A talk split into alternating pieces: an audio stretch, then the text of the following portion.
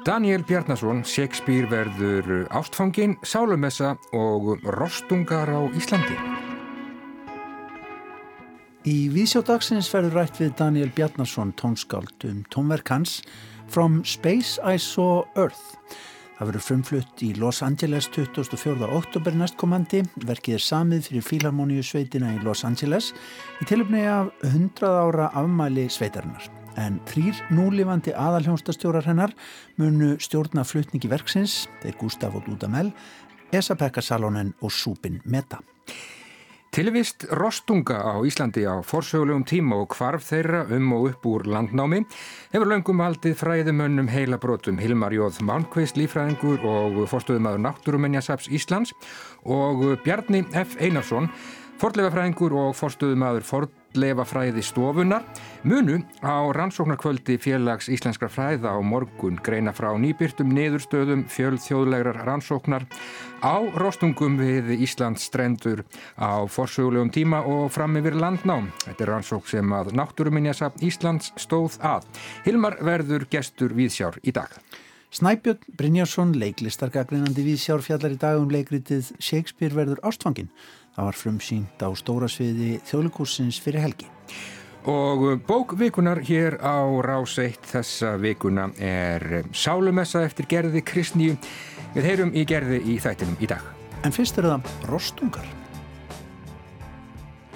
Rostungur, öðru nafni Ross Kvalur, er stort reyfadýr sem lifir við sjó á norður slóðum. Af honum eru tvær undirtegundir, önnur í norður Allandshafi sem nefndir Odobenus rosmarus rosmarus og hinn í Kirrahafi á hafsvæðunum við og á milli Alaska og austur Sýberju og er svo nefnd Odobenus rosmarus divergens. Við ætlum að tala um rostunga.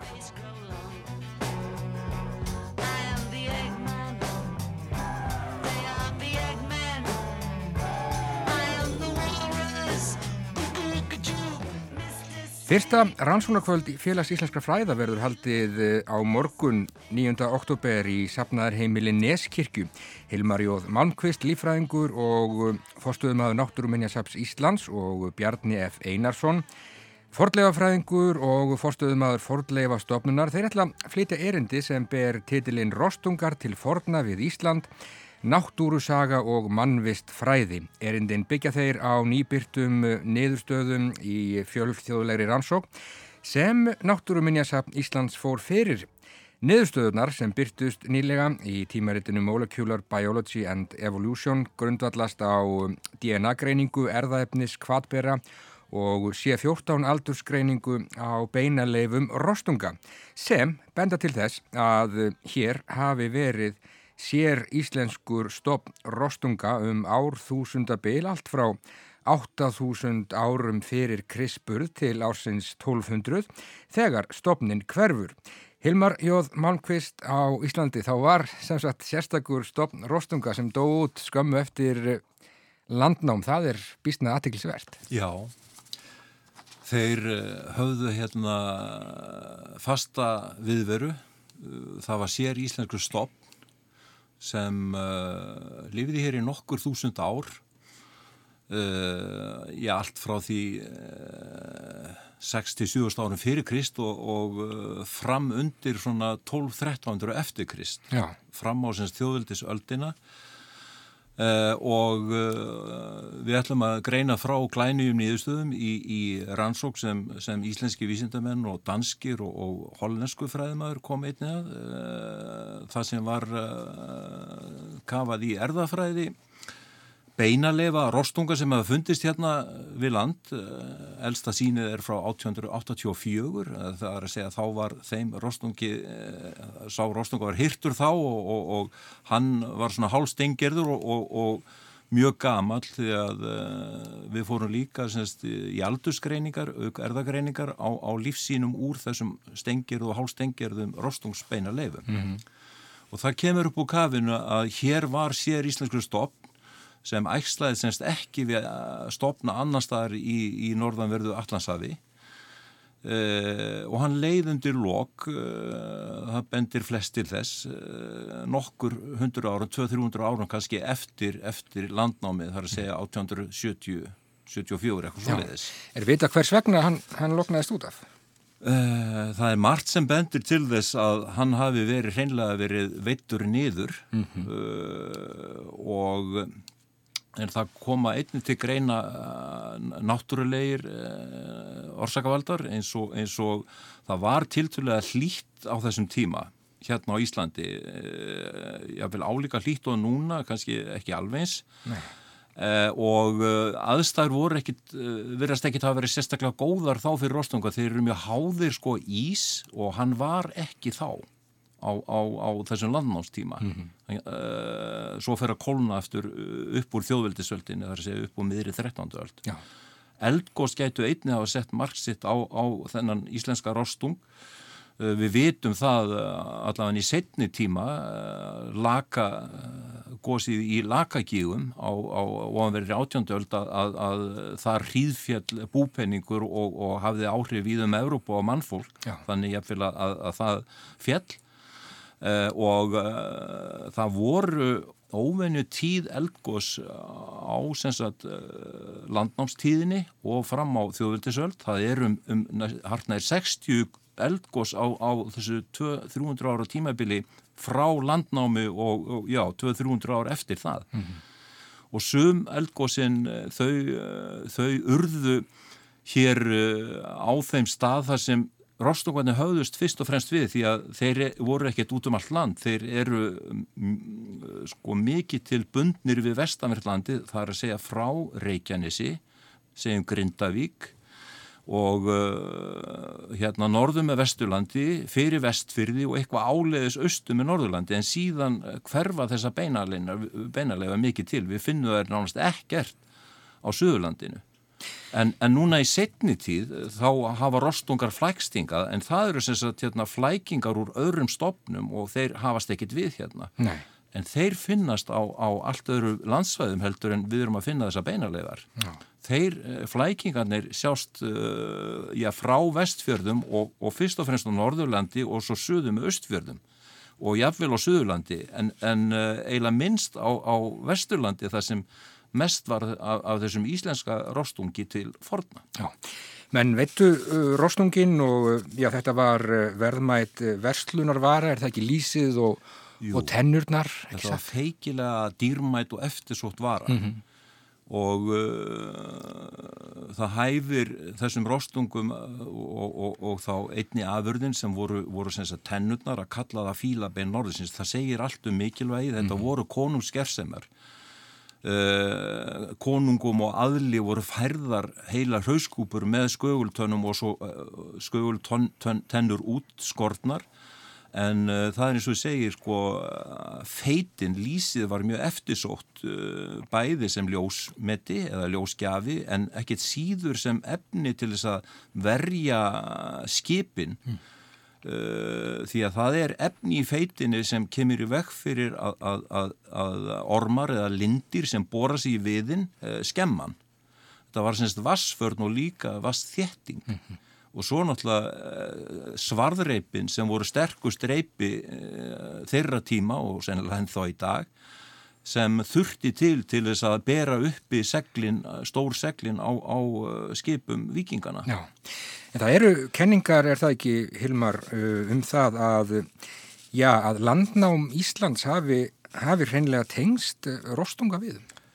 Já, það er svona sem verið á kreiki um dálitið langan tíma kenningar jú um að, að, að menn hafi komið hérna til hans vegna þess að hér voru einhver auðafi sem voru vannýtt eða, já, Eh, en eh, ekki síður að menn hafi flúið Nóri vegna uh, pólitískra ástæðina uh, og, og líka bara að það hefur verið hart á dalnum þar en uh, þessar, þessi fundir núna og þessi niðurstaða okkar með rostungana hún, hún rennir stóðum undir það að menn hafi reynlega sóst eftir þessum sjávaröðlindum og þá enganlega rostungi en einni kval Uh, og að það hafi jafnvel verið stærri að það sé hérna, sterkari skýring á, á því hvað dreif landnámið hérna. uh, eftirsókn í þessi gæði og uh, þú nefndi Bjarnar F. Einarsson sem, sem flytur erindi með mér að hann hefur verið að, að, að finna fordlevar og aðrar vísbendingar sem styðja það að, að landnámið hefur jafnvel hafist fyrr og að hafi eh, þetta hafi verið drivkrafturinn þessi eftirsókn í, í rostung og önnur sjávarins gæði. Já, áhugavert. Eh, það er mikið, mikið tímaspann í þessu þegar að tala um hvað 7 til 8.000 árum fyrir krispurð og, og framundir 1200 eða eitthvað slikt. Hversu, maður hlýtur að spyrja sko, hversu, hversu nákvæm er þessi vísindi? Já, eh, aldursgreiningarna eru nú bísna nákvæm. Mm -hmm. Eh, það skeikar kannski í mestalagi pluss mínus 50 til 100 árum það fyrir eftir í hvaða öryggismörk menn, menn nota en, en þetta er bísna nákvæm greining og þessu til stöðnings höfum við einnig eh, öskulögin og, og tólkun á aldrei óbeint út frá, út frá því.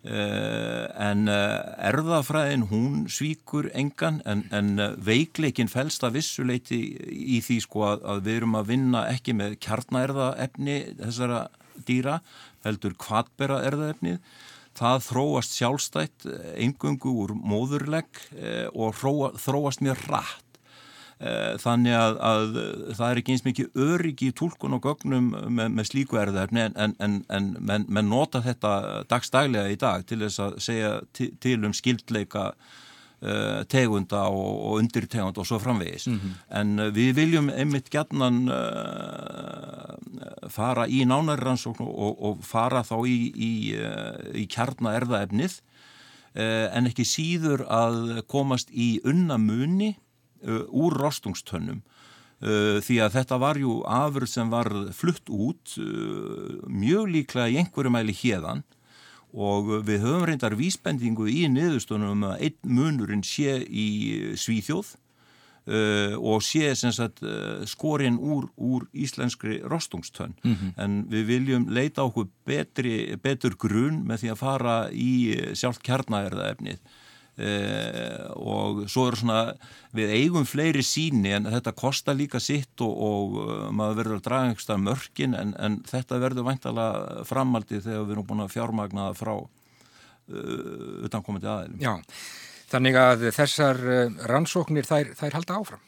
Það er halda áfram, já, og uh, eins og ég segi, það, það er hægt að vinna úr fleiri sínum og, og gaman að segja frá því líka eftir að þessar niðurstöður voru byrtar í, í, í þessu vísendatímeriti, erlendu vísendatímeriti, að þá hafa uh, bara nokkrir haft samband við okkur og, og tilkynnt um rostungsbeinaleifar sem við höfum ekki hugmynd um en eh, falla inn í þetta gagnasafn og virðast vera semst gamlar leifar þannig að uh, gagnabonkin er eiginlega bara að stækka. Hljómar uh, ljómandi vel sérstakur stofn Rostunga á Íslandi sem að dó út skömmu eftir landnám. Þið ætlaði að, að segja frá uh, í Neskirkju, safnaðar heimili Neskirkju á morgun, Hilmar Jóð Malmqvist og Bjarni F. Einarsson. Ég segi bara takk fyrir komuna í Víðsjá Hilmar og gangi ykkur vel að rannsaka rostungin áfram. Takk. Takk fyrir bóðið.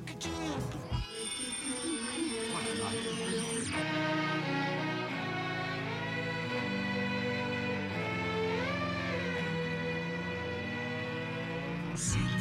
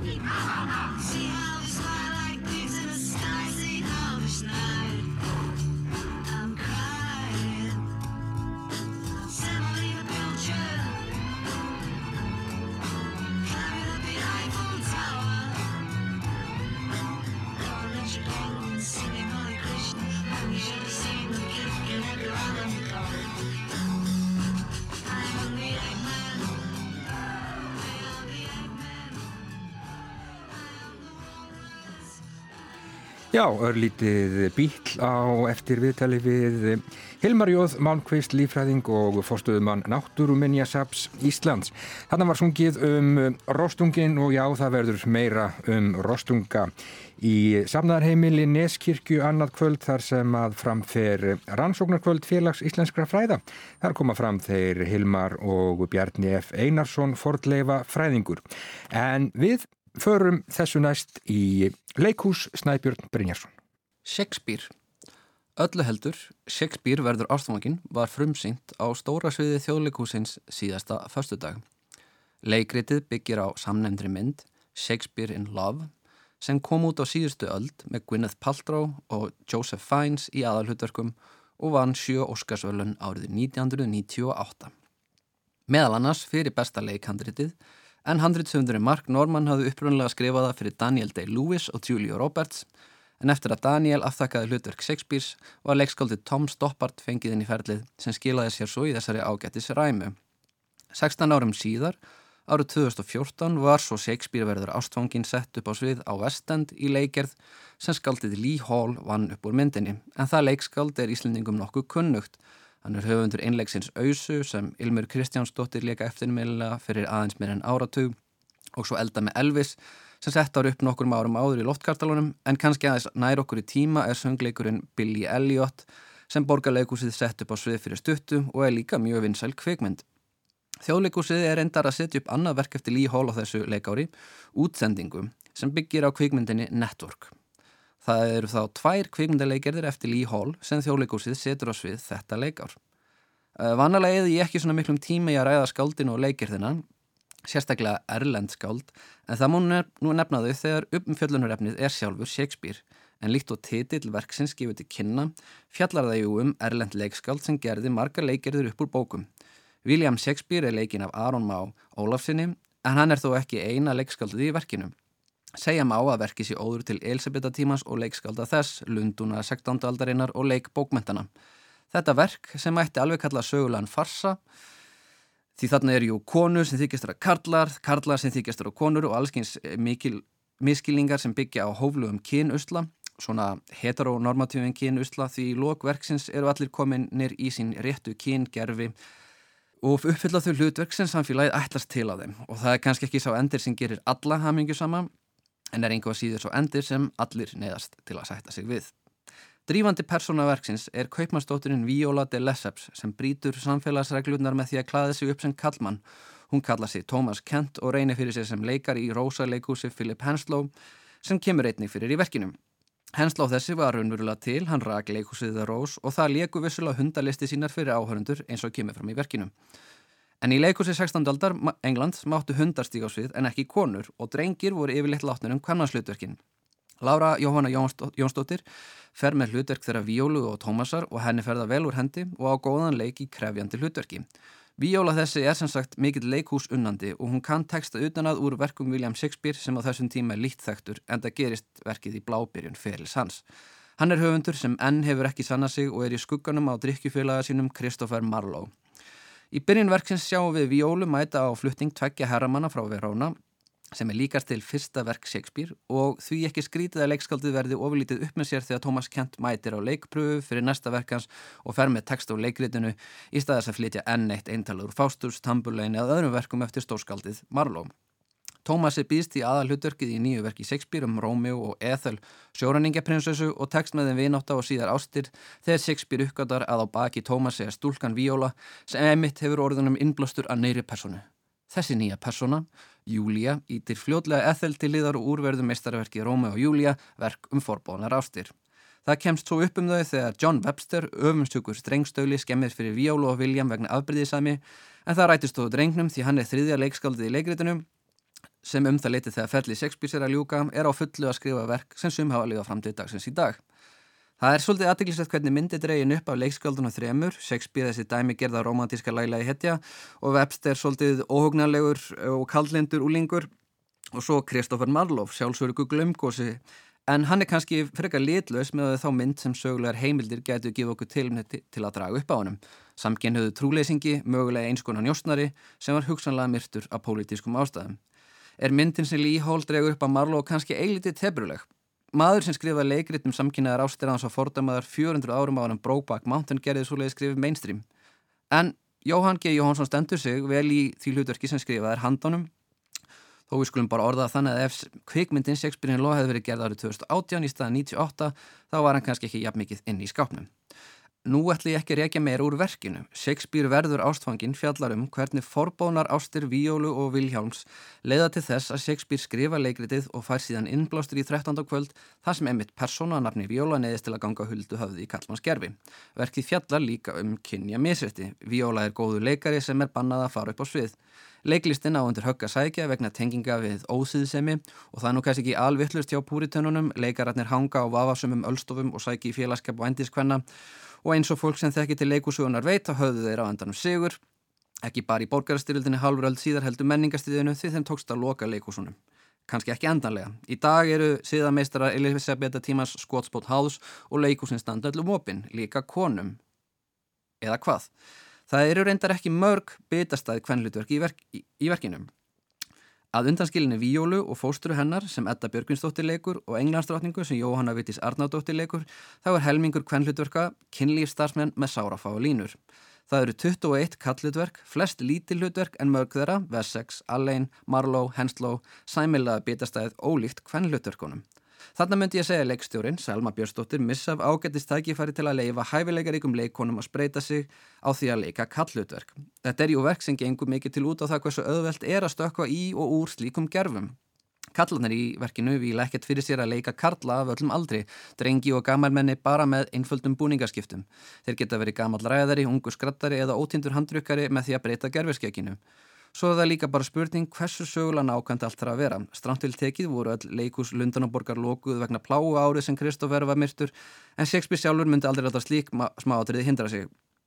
Það er hægt að búa til fleiri kvennlutverk. Við myndum heldur ekki segja að hörunslítur ætti að skera út um hvort einhver fá ákveðin hlutverk hvert svo sem sögulegt samingi kann að vera. Þannig út úr dúr verðið að afsaka. Gaggrindur eiga jú að segja hvernig þeim finnist að verk takast til, ekki hvernig þau eigi að vera hvað þá hvernig verk þið myndu velja í leikhúsin. En að mínum að þetta ætti þó að vera markmið leikstjóru og leikustjóru að nýta hæfileika leikvenna á öllum aldri og velja verk eða setja upp á þann máta að leikonur fá að spreita sig. Engi hlutverk eru lítið hlutverk, hvort sem um hyrðmegi eða verðt er að ræða, en er samt ekki verðt að ræða hvernig prósundilegu hlutalli kynjan er háttað í leikhúsi sem er þjóðleikús. Og það má auðvitað velta fyrir sig hversnig er henn að kynja hella umræfni hér en ekki annar staðar og það er bara einfalda þannig að verk sem sem fjallar um það óréttlæti að Víóla sem býr yfir hæguleikum sem hún fær ekki að deila með umheiminum fá ekki að fara upp á svið að hápundur hennar felis í þáttaka í fyrstu uppsetningu veraldurinn á Róma og Júliu en það sé einungis uppað og löngum og farsalum herli William Shakespeare. Uh, það kallar einfalla á að maður velti þessu fyrir sér. Í lokin uh, neytar hún að flýja á brott með William því hún vill ekki bera ábyrða heimurinn missa skálskap hans sem er mjög göfugt En því miður þó Viljálmandir hafi fengið að njóta sín og við fengið að njóta þeirra þá höfum við kannski mist að fullmörgum viólum í gegnum tíðina og erum kannski enna að missa af þeim. Að því söður standa margi katt með sig vel, Björn Ingi Hilmarsson er frábæri börbets, Guðjón Davíð Karlsson gerir góða hluti sem hensló og svo var gaman að fylgjast með mörgum aukaleikurunum, Hilmi Jensson var skemmtilegu ræðari og skrattari, Bjarni Snæbjörnsson og Hákon Jónesson góður í hlutverkum sínum sem meðlemi leikópsins. Sýningin sjálf var á öðru leiti því miður ekki gallalauðs. Tónlistin skrifaði Jón Jónsson og Fredrik Dór þóttu mér ekki hefnast vel, þó hljómsveitin og söngkonan Guðrún Ír Eifjörð betur þau sem geti að reynstaði sig ágalla. Tónlistin var nefnilega of klísukent fyrir minn smekk. Marja Tjá Ólafsdóttir sá um búningana og Finnur Arnar Arnarsson leikmynd og mér fannst ekkert standa sérstaklega upp úr nýja verða þannig að hún sé sérstaklega gaggarinn í verð. Hildina litið þá held ég að sumir muni geta farið á þessu síningu og haft gaman af. Þannig er samblanda farsa, söngleik og sögulegu leikrið að ræða, kannski eitthvað fyrir alla. Þessi gaggríðandi fór því miður þó ekki alveg sáttur úr húsi. Honum fannst vant einhvern ferskleika í verki sjálft og einhvern innblástur í sjálfa síninguna. Það er svolítið eins og ef Viljálmur hefði aldrei hitt Víólu og leikubur hans hefði endað á að setja Ethel Sjóranníkja prinsessu á svið sagði Snæbjörn Brynjarsson um leiksýninguna Shakespeare verður ástfangin á stóra sviði þjóðlíkursins.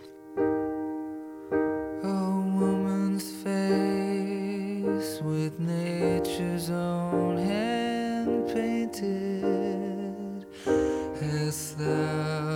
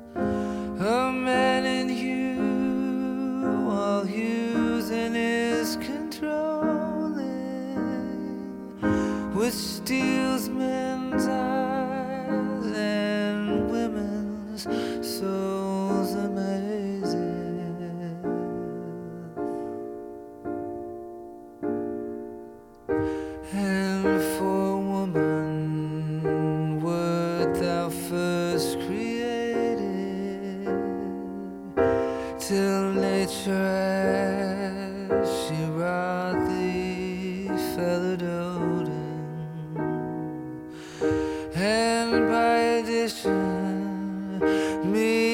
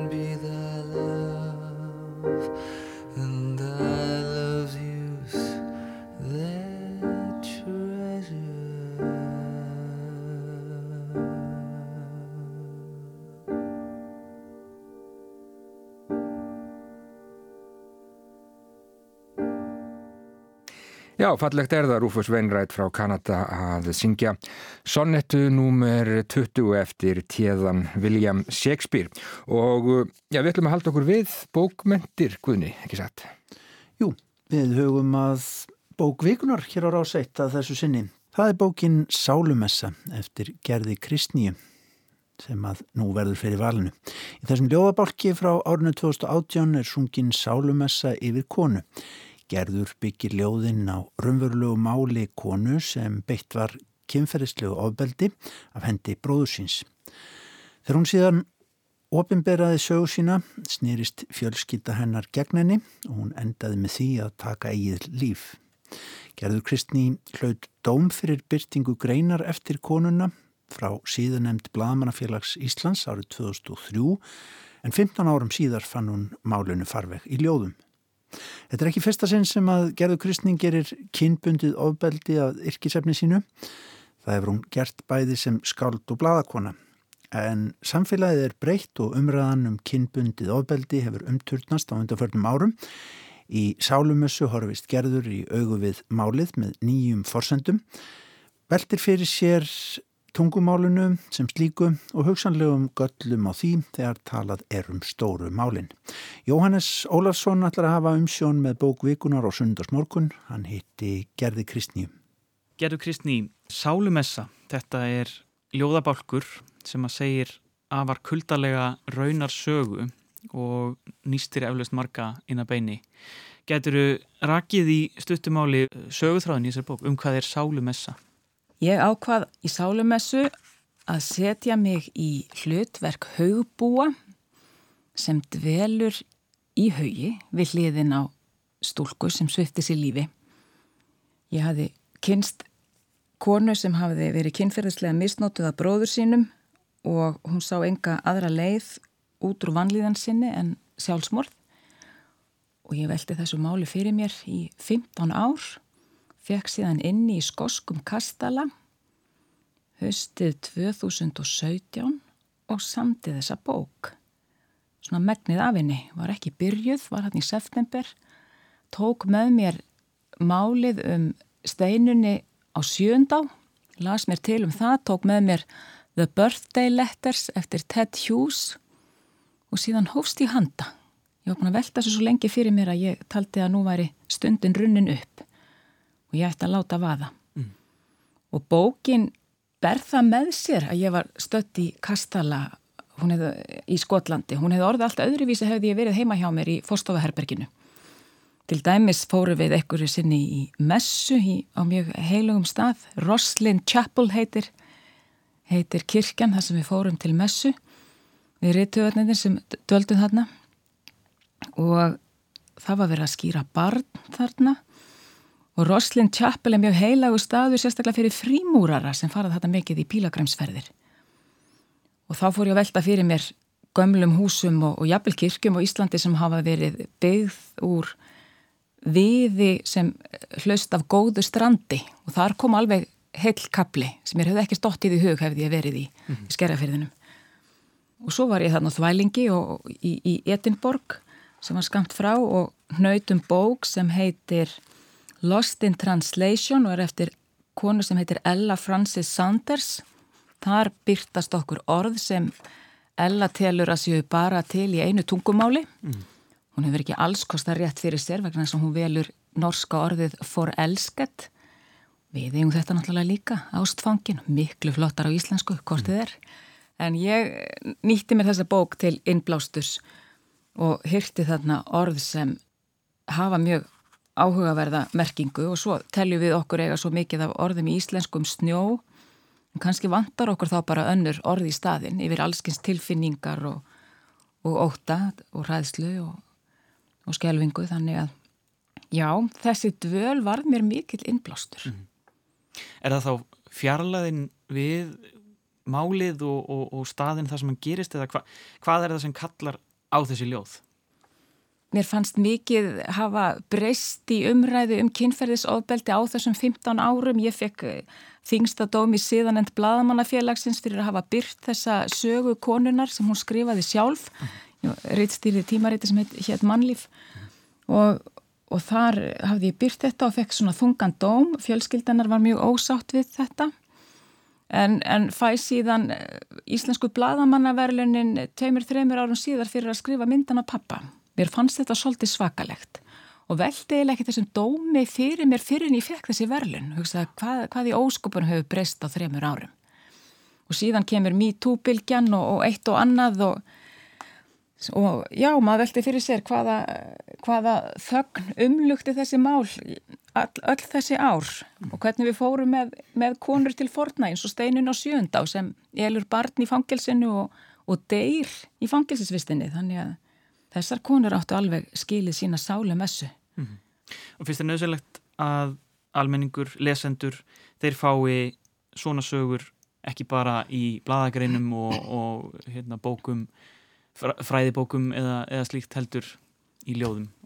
Ljóðabalkurinn er form sem hefur nýst mér mjög vel og ég man þegar ég reyndi að, að yrkja fyrst eh, blóðhópni þá veld ég því mikið fyrir mér hvort ég ætti að skrifa bara nóvellu eða smásögu um, um gerði geimistóttur sem er eh, flutt burt frá Jötunheimum yfir í, í heimguðana en uh, svo bara prófaði ég mig áfram og þetta virkaði og Ég get bara vakið ljóða bálkinu upp eins og draug og nýtt mér hann eins og mér listir þannig að þetta er svona form sem hendar mér mjög vel. Knappur teksti vissulega, ekkert orðagjálfur heldur hérna bara vaðið í plottið og, og þegar myndirnar verða of sterkar þá finnst mér gott að stúka á milli með einhverju svona fegur að máni stjaki skýjum yfir myrkur heiminn, ég held ég að komi fram í blóðhófni og allir þýðundunir hafa stoppað við þetta og spurt hvað í óskupunum er þetta. En þetta er bara svona falleg mynd þess að aðeins að kvíla lesandan á, á hörmungunum. Þannig að þetta er þetta á við mig. Þannig já, já, það er þetta að segja frá, segja hverja sög á, á margan hátt. Bálkurinn hendar mér. Glæslegt, Gerður Kristník, takk hjálpa fyrir þetta. Uh, ég ætla að byrja þig að endingu að, að lesa úr Sálumessu. Sálumessa Yktsúabokk Grænlendingar eiga orði vera skima sífælt eftir mannaferðum. Lengi hef ég dvalið með þér í disinni. hegðins og hundur með eiganda sínum, höfuð í land suður, líka minn í höfum. Innan seilingar, meitill, öngull, sigð. Við erum lík. Bærin kvikur af ljósum og leik, beðið var komu jólabarsins. Förin þegar hafin yfir heiðina. Leiðin sópuð með greni greinum. Stjörnur úr járni lístu upp stræti, skýði ristu hlýðar. Pollurinn lagður svelli, það kvein í ístnum undan skautum barnana, eins og hníf væri brugðið á bríni. Hús þitt hljótt og myrt, sveipað djúpum svefni. Grílukerti uksu fyrir glugga, þú horðir út um vígtentan skolt vetrarins. Röttin drafandi, auglokin rökkur þung. Þú skrifaðir söguðína blekvættum barnálum um bróður sem lagði lífðitt pínu. Hann leitaði á þig þegar hann kendi þér að lesa. Ása sá sól, Ari rólar. Þú ótaðist að það sama byði barna hans. Ekkert heyrðist í þér í þorpinu þar sem varnargarðurinn beit af sér brimið en veitti þér aldrei skjól. Bernska þín botfrósin tjörn. Nú hafður um mulið utan af þér ísin, hrist af þér hrönglið, engin skildi þólaða sama á þú. Oft hafður reynt að flýta fyrir þér. Nú sastu þarna umlukin eigin myrkri. Bringan bærðist ekki, andardrátturinn ógreinilegur. Úti kölluðust krakkar á, Það rofaði til í svefninum. Börn, það besta sem þú vissir. Eitt andartak sást hver þú hefðir getað orðið. Gerðu Kristni las hér úr bóksinni Sálumessum sem er bókvíkunar á Ráseitt að þessu sinni. Gestir Jóhannes Rólafssonar í þættinum á Sunnudas morgun verða þau Elin Björk Jóhannsdóttirs bókmyndafræðingur og Eiríkur Gauti Kristjánsson mentaskólakennari. En við ætlum að huga að íslenskri samtímatónlist á erlendri grundu því að það stendur mikið til hjá Los Angeles Filharmoníunni núna 20. og 4. oktober næstkomandi þegar verða miklir hátíðar tónleikar þar sem framkoma þrýr aðalhjónsutastjórar núlifandi sveitarnar í gegnum tíðina þeir Esa Pekka Salonen, Súbin Meta og Gustavo Dudamel Þeir stjórna allir á þessum tónleikum og lokaverkið á þessum hátíðatónleikum er Íslenskt tónverk eftir Daniel Bjarnason. Ég fór til hans í heimsókn og baði hann að segja mér frá þessu ofinlega tónverki sem hann er búin að ganga frá fyrir hljómsutina. Jú, það er 100 ára ammæli Los Angeles Philharmoníunar alveg upp á dag. Það er náttúrulega voru allt síðasta hérna, starfsára að halda upp á þetta 100 ára ammæli en svo er þetta svona rúsinin í pulsaröndanum þetta er semst hinn eiginlegi ammælis dagur 2004 þessum að fyrstu tónleikarnir voru haldnir árið 1919 uh, og þá er já, hérna verður svona mikil veistla og taldi sérstök vika. Það verður semst þessir gala tónleikar þar sem að verkið mitt verður frumflutt og svo er hérna hverju kvöldi eftir það stjórna þessir þrýr núlefandi tónlistarstjórar hljómsstjarnar tónleikum. Um, með sitt hverju prógraminu. Þannig að hérna en á þessum galatónleikum 2004 þá koma þeir allir fram saman á einum tónleikum stjórna einu verki hver og enda síðan á því að stjórna allir þrýr saman þessu nýja verki eftir mig. Svo hugmynd að fá þrjá hljónstastjóra er þetta eitthvað sem kemur frá hljónstinni þá? Að panta verk sem er svona í, svona í læginu heila Já, þetta, þetta er ekta svona þetta er ekta svona hella í fyll hugmynd finnst mér sko. Það er hérna ég ringdi í mig og við vorum að tala um eitthvað allt annað tónleika, við vorum að tala um tónleikana sem ég verð með, með þeim í februar og hérna og fórum að tala um það og sagðum bless og svo, svo ringdi ég held að vera í Megan og ringdi allt inn aftur og sagði heyrðu ég glemt einu, ég ætlaði að byrja að spila, skrifa verk fyrir þrjá hljómsdastjóra Það var svona, svona í forbifartin eins og það Já, svona by the way hérna, og Já, já, og það var ekkert mjög langur fyrirværi á því en ég, maður, þetta er svona eitthvað sem maður alltaf getur ekki sagt nei við, sko. En svo, svo hugsaði ég bara, hvað er ég búinn að koma mér út í hérna? Þegar ég var búinn að segja já við þessu. Þannig að þetta er bæði mjög spennandi en líka svolítið svona surrealísk tilhugsun, sko, að vera með þessa þrjá hérna á sviðinu og, og láta það einhvern veginn virka. Þetta er engin smákallar, uh, Súbi Meta þeirra elstur, 83 ára var að hvaðja Ísrael Filharmoníuna núna bara um helgina og svo Dudamel og svo Esapekka Salonen, uh, Finnin. Þannig að hérna, þetta er hansi mikið galleri af hljónstastjórum uh, en bara svona logistist að búa til verk þar sem að fyrir þrjá hljómsveitastjóra, hva, hva, hvað fer í gang eiginlega? Hvað þarf það, hérna, hvernig þarf það að hugsa eftir nýjum bröðum? Já, það var svolítið hausverkur átt að segja á því sko, hvernig þetta virka. Ég vissi að ég gæti ekki sagt, sett hljómsveitina í sitt hvort hotnið á salnum sem við erum með hann alveg aðskilda í þreymur hópum af því að þetta þurfti bara að vera á sviðinu.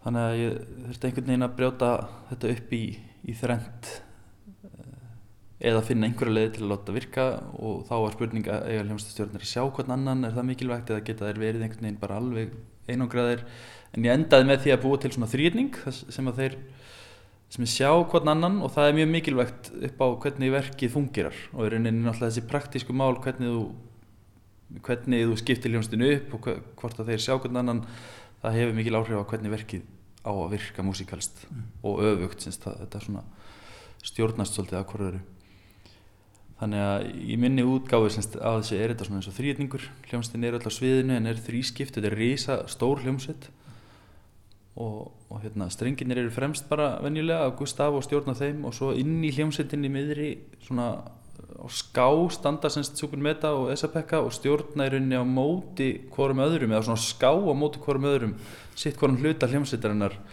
sem er þá aðalega hérna, málmblásarar, tréblásarar og, og slagverk sem sagt. Sem þeir sjá um. Já, þannig að þeir sjá bæði sína, sína hljómsveit og allir hljómsveitstjórnir sjá hvern annan og þetta er svona verk það sem þeir eru rauninni að nokkuð samferða, farið nokkuð samferði gegnum verkið, þetta er rauninni nánast eins og eitt verk sem er búið að brjóta bara í þrennt. Þannig að þetta, er, þetta verður svona ákveðin fösun. Þannig að þeir byrja stundum saman svo liðast þeir í sundur. Eða þá þeir byrja akkurat sko slæja á eftir hvorum öðrum stundum tveir saman og eitt slæja á eftir. Þannig að þetta er svona, hérna, þeir eru svona líkjast eða liðast í gegnum þetta nánast samferða en aldrei alveg og svo býða þeir eftir hvorum öðrum og, og leggja svo stað aftur en þetta er svona, svona hérna þetta er svona nokkar hrínur þar sem þeir hérna, gliðna mismikið og ná síðan aftur saman Armstrong is on the moon. Neil Armstrong, 38 year old American, standing on the surface of the moon. On this July 20th, 1969. It's one small step for man, one giant leap for mankind. I think that was Neil's quote. I didn't understand it. No, one small step for man, but I didn't get the second phrase. En nafnið á verkinu, þú fer með okkur út í game og horfir tilbaka, hingað, Já. til jarðar. Ég er búinn að vera svolítið með sko geiminn og, og, og tunglendinguna á heilanum núna síðustu ár. Ég var beðin um það fyrir tveimur árum að setja saman prógram fyrir Gautaborgar sinfoníuna til að fagna 50 ára ammæli tunglendingarinnar sem var núna í júli síðastuðin. Og þeir tónleikar voru fyrir tveim vikum síðan. Þannig að þetta er búið að vera svona hérna, eitthvað sem ég er búinn að hugsa mikið um og þetta hafði bara svona, já, mikil skapandi áhrif á mig þessi hérna, hugsun og þegar ég fór að lesa um þetta það var svona heil mikið sem að mér fannst vera mjög áhugavert og, og var kannski, ég hafði svo sem áhuga á þessum hlutum áður en bara náttúrulega sem leikmaður og ég er engin spesialist í þessu en, en finnst þetta áhugavert og margar svona stórar áhugaverða spurningar í kringum allt þetta gamebröld og þessar tunglfer, tunglferðir Eh, hérna og þetta er rauninni þriðja verkið sem að ég skrifa sem að svona er einhvern veginn tengt þessu. Þetta er svona verða einhvers konar þríleikur kannski. Hérna, fyrsta verkið heitir uh, White Flags eða Hvítir fánar sem að er rauninni útsetning á ameríska þjóðsögnum sem er innblásin af því frétt sem ég las um að hérna, bandarísku fánarnir sem að sem að Apollo 11 skildi eftir á tunglinu 69 þeir semst settu nýður sex bandaríska fána og einn er að reyndar var skemmtist þeir hérna, fóru aftur frá tunglinu hérna, tunglfarið blésan um koll. Það eru fimm sem standa en þá en þeir eru allir orðnir hvítir út af bara hérna, veður breytingum og útfjólubláum geyslum og sem að mér fannst mjög falleg svona táknræn mynd. Þessi bandarísku fánur var orðnir hvítir og stæði þarna ennþá tunglinu. Og ég tek semst bandaríska þjóðsönginirinn og, og svona breyta honum smátt og smátt í eða útsettan, þannig að hann er nánast óþækjanlegur en er að breyta honum í rauninni í svona white noise. Það er, þetta, þannig að þetta er svona konceptverk nánast. Og svo gerði ég innsetningu fyrir Holland Festival sem var fyrir 12 hotn og 12 opna fligla og elektrónik sem að hétt We Came in Peace for All Mankind sem var, inn, sem var það sem var skrifað á skjöldin sem var skilin eftir á tunglinu. Og svo er þetta í rauninni þriða verkið hérna, From Space I Saw Earth eða utan á geimnum sá ég jörðina. Og þetta er kannski svona hugleðingum það bara að eitt af því mikilvægasta sem að við lærðum og kannski merkilegast að við þessar geimferðir og tunglferðir á sínum tíma var þegar að mennindin svona snýri sér við á leiðin út í geim og, og sáu jörðina mm. og sá hana allt í einu sko utanfrá, sá allan nöttin og núna er þetta náttúrulega orðið þekkt fyrirbæri og oft talað um svona the overview effect sem að hérna, þeir sem að vinna í alþjóðlegu geimstöðinni og, og fleiri bara geimfarar mm -hmm. verða fyrir og, hérna, og það er þessi, þessi tilfinning og hérna, einhvern veginn ofinberin að, að sjá nöttin sem þetta í rauninni þessa litlu kúlu í þessa óendanlega hérna, svart nætti sem keimurinn er og hvað hann er viðkvæm og þessi örþunna hula í kringum hana sem er sem sagt, hérna, atmosféran eða, eða lofthjúpurinn. Hérna, þetta er svona já, kannski bara títillinni sem stekinn út frá þessari hugsun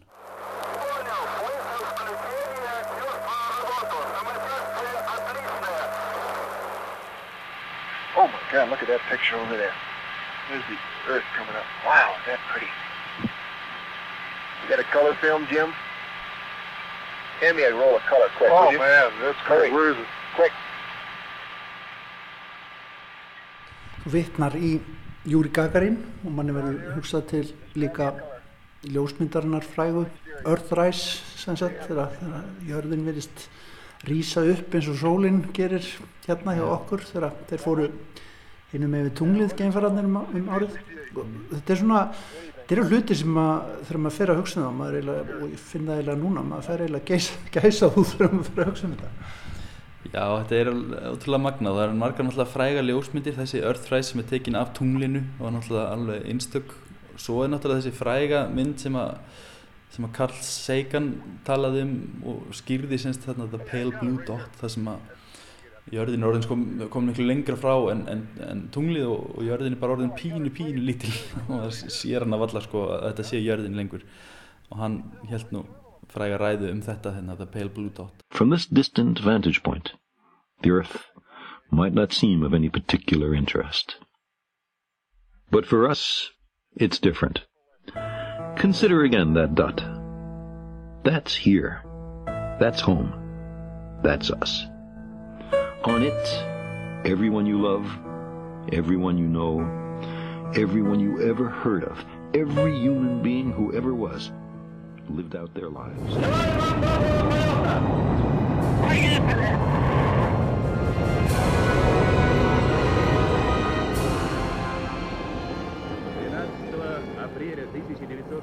Júri Gagarin alltaf fyrsti maður í rauninni sem fór á sporbaug um jörðu 61, hann var langt undan Amerikunum hann, hann náttúrulega sagði þetta sko.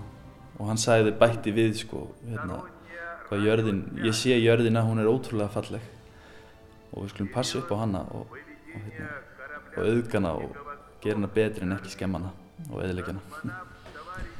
Og þá verður maður nú að segja að þetta resonerar alveg í samtíma okkar í dag. Já, auðvitað, gerir það mjög mikið. Og þessi, þessi hugmyndum að hugsa um heiminn sem eitt kerfi, eitt vist kerfi er náttúrulega kannski einhverju leiti bara grundvallar hugmynd og sem við verðum að tilengja okkur held ég, bara mannkynnið. Mm -hmm. Við ætlum að leysa úr öllum þessum vandamálum sem að verða einungis leist glóbal sem blasa við okkur.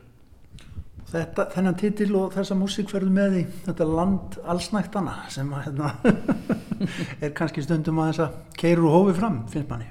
Já, já, þannig að það er kannski ágætt bara mm. að fara með þennan bóðskap þangað en þetta er þetta í, í hérna, Kaliforníi sem er alltaf einhvers konar ríki í ríkinu sko, mm. alltaf hérna ekkert allir sammála sko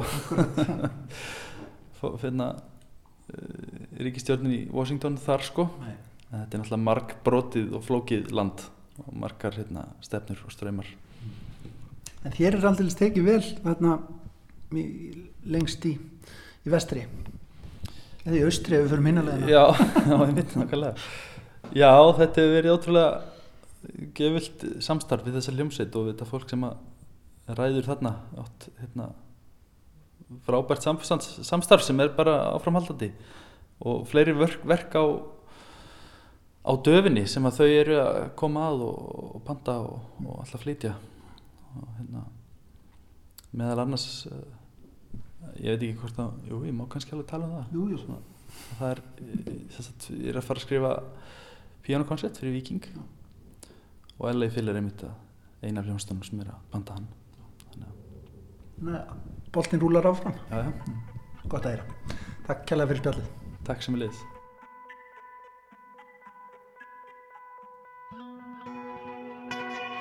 Saði Daniel Bjarnason. Nú framöndan að gera í honum og samstarfið gjöföld við Los Angeles Philharmonina Þetta er algjörlega þitt besta mál, já, ekki satt? Jú, heldur betur. Við ætlum að ljúka við sjá í dag með þessu spjalli. Verðið sæl. Verðið sæl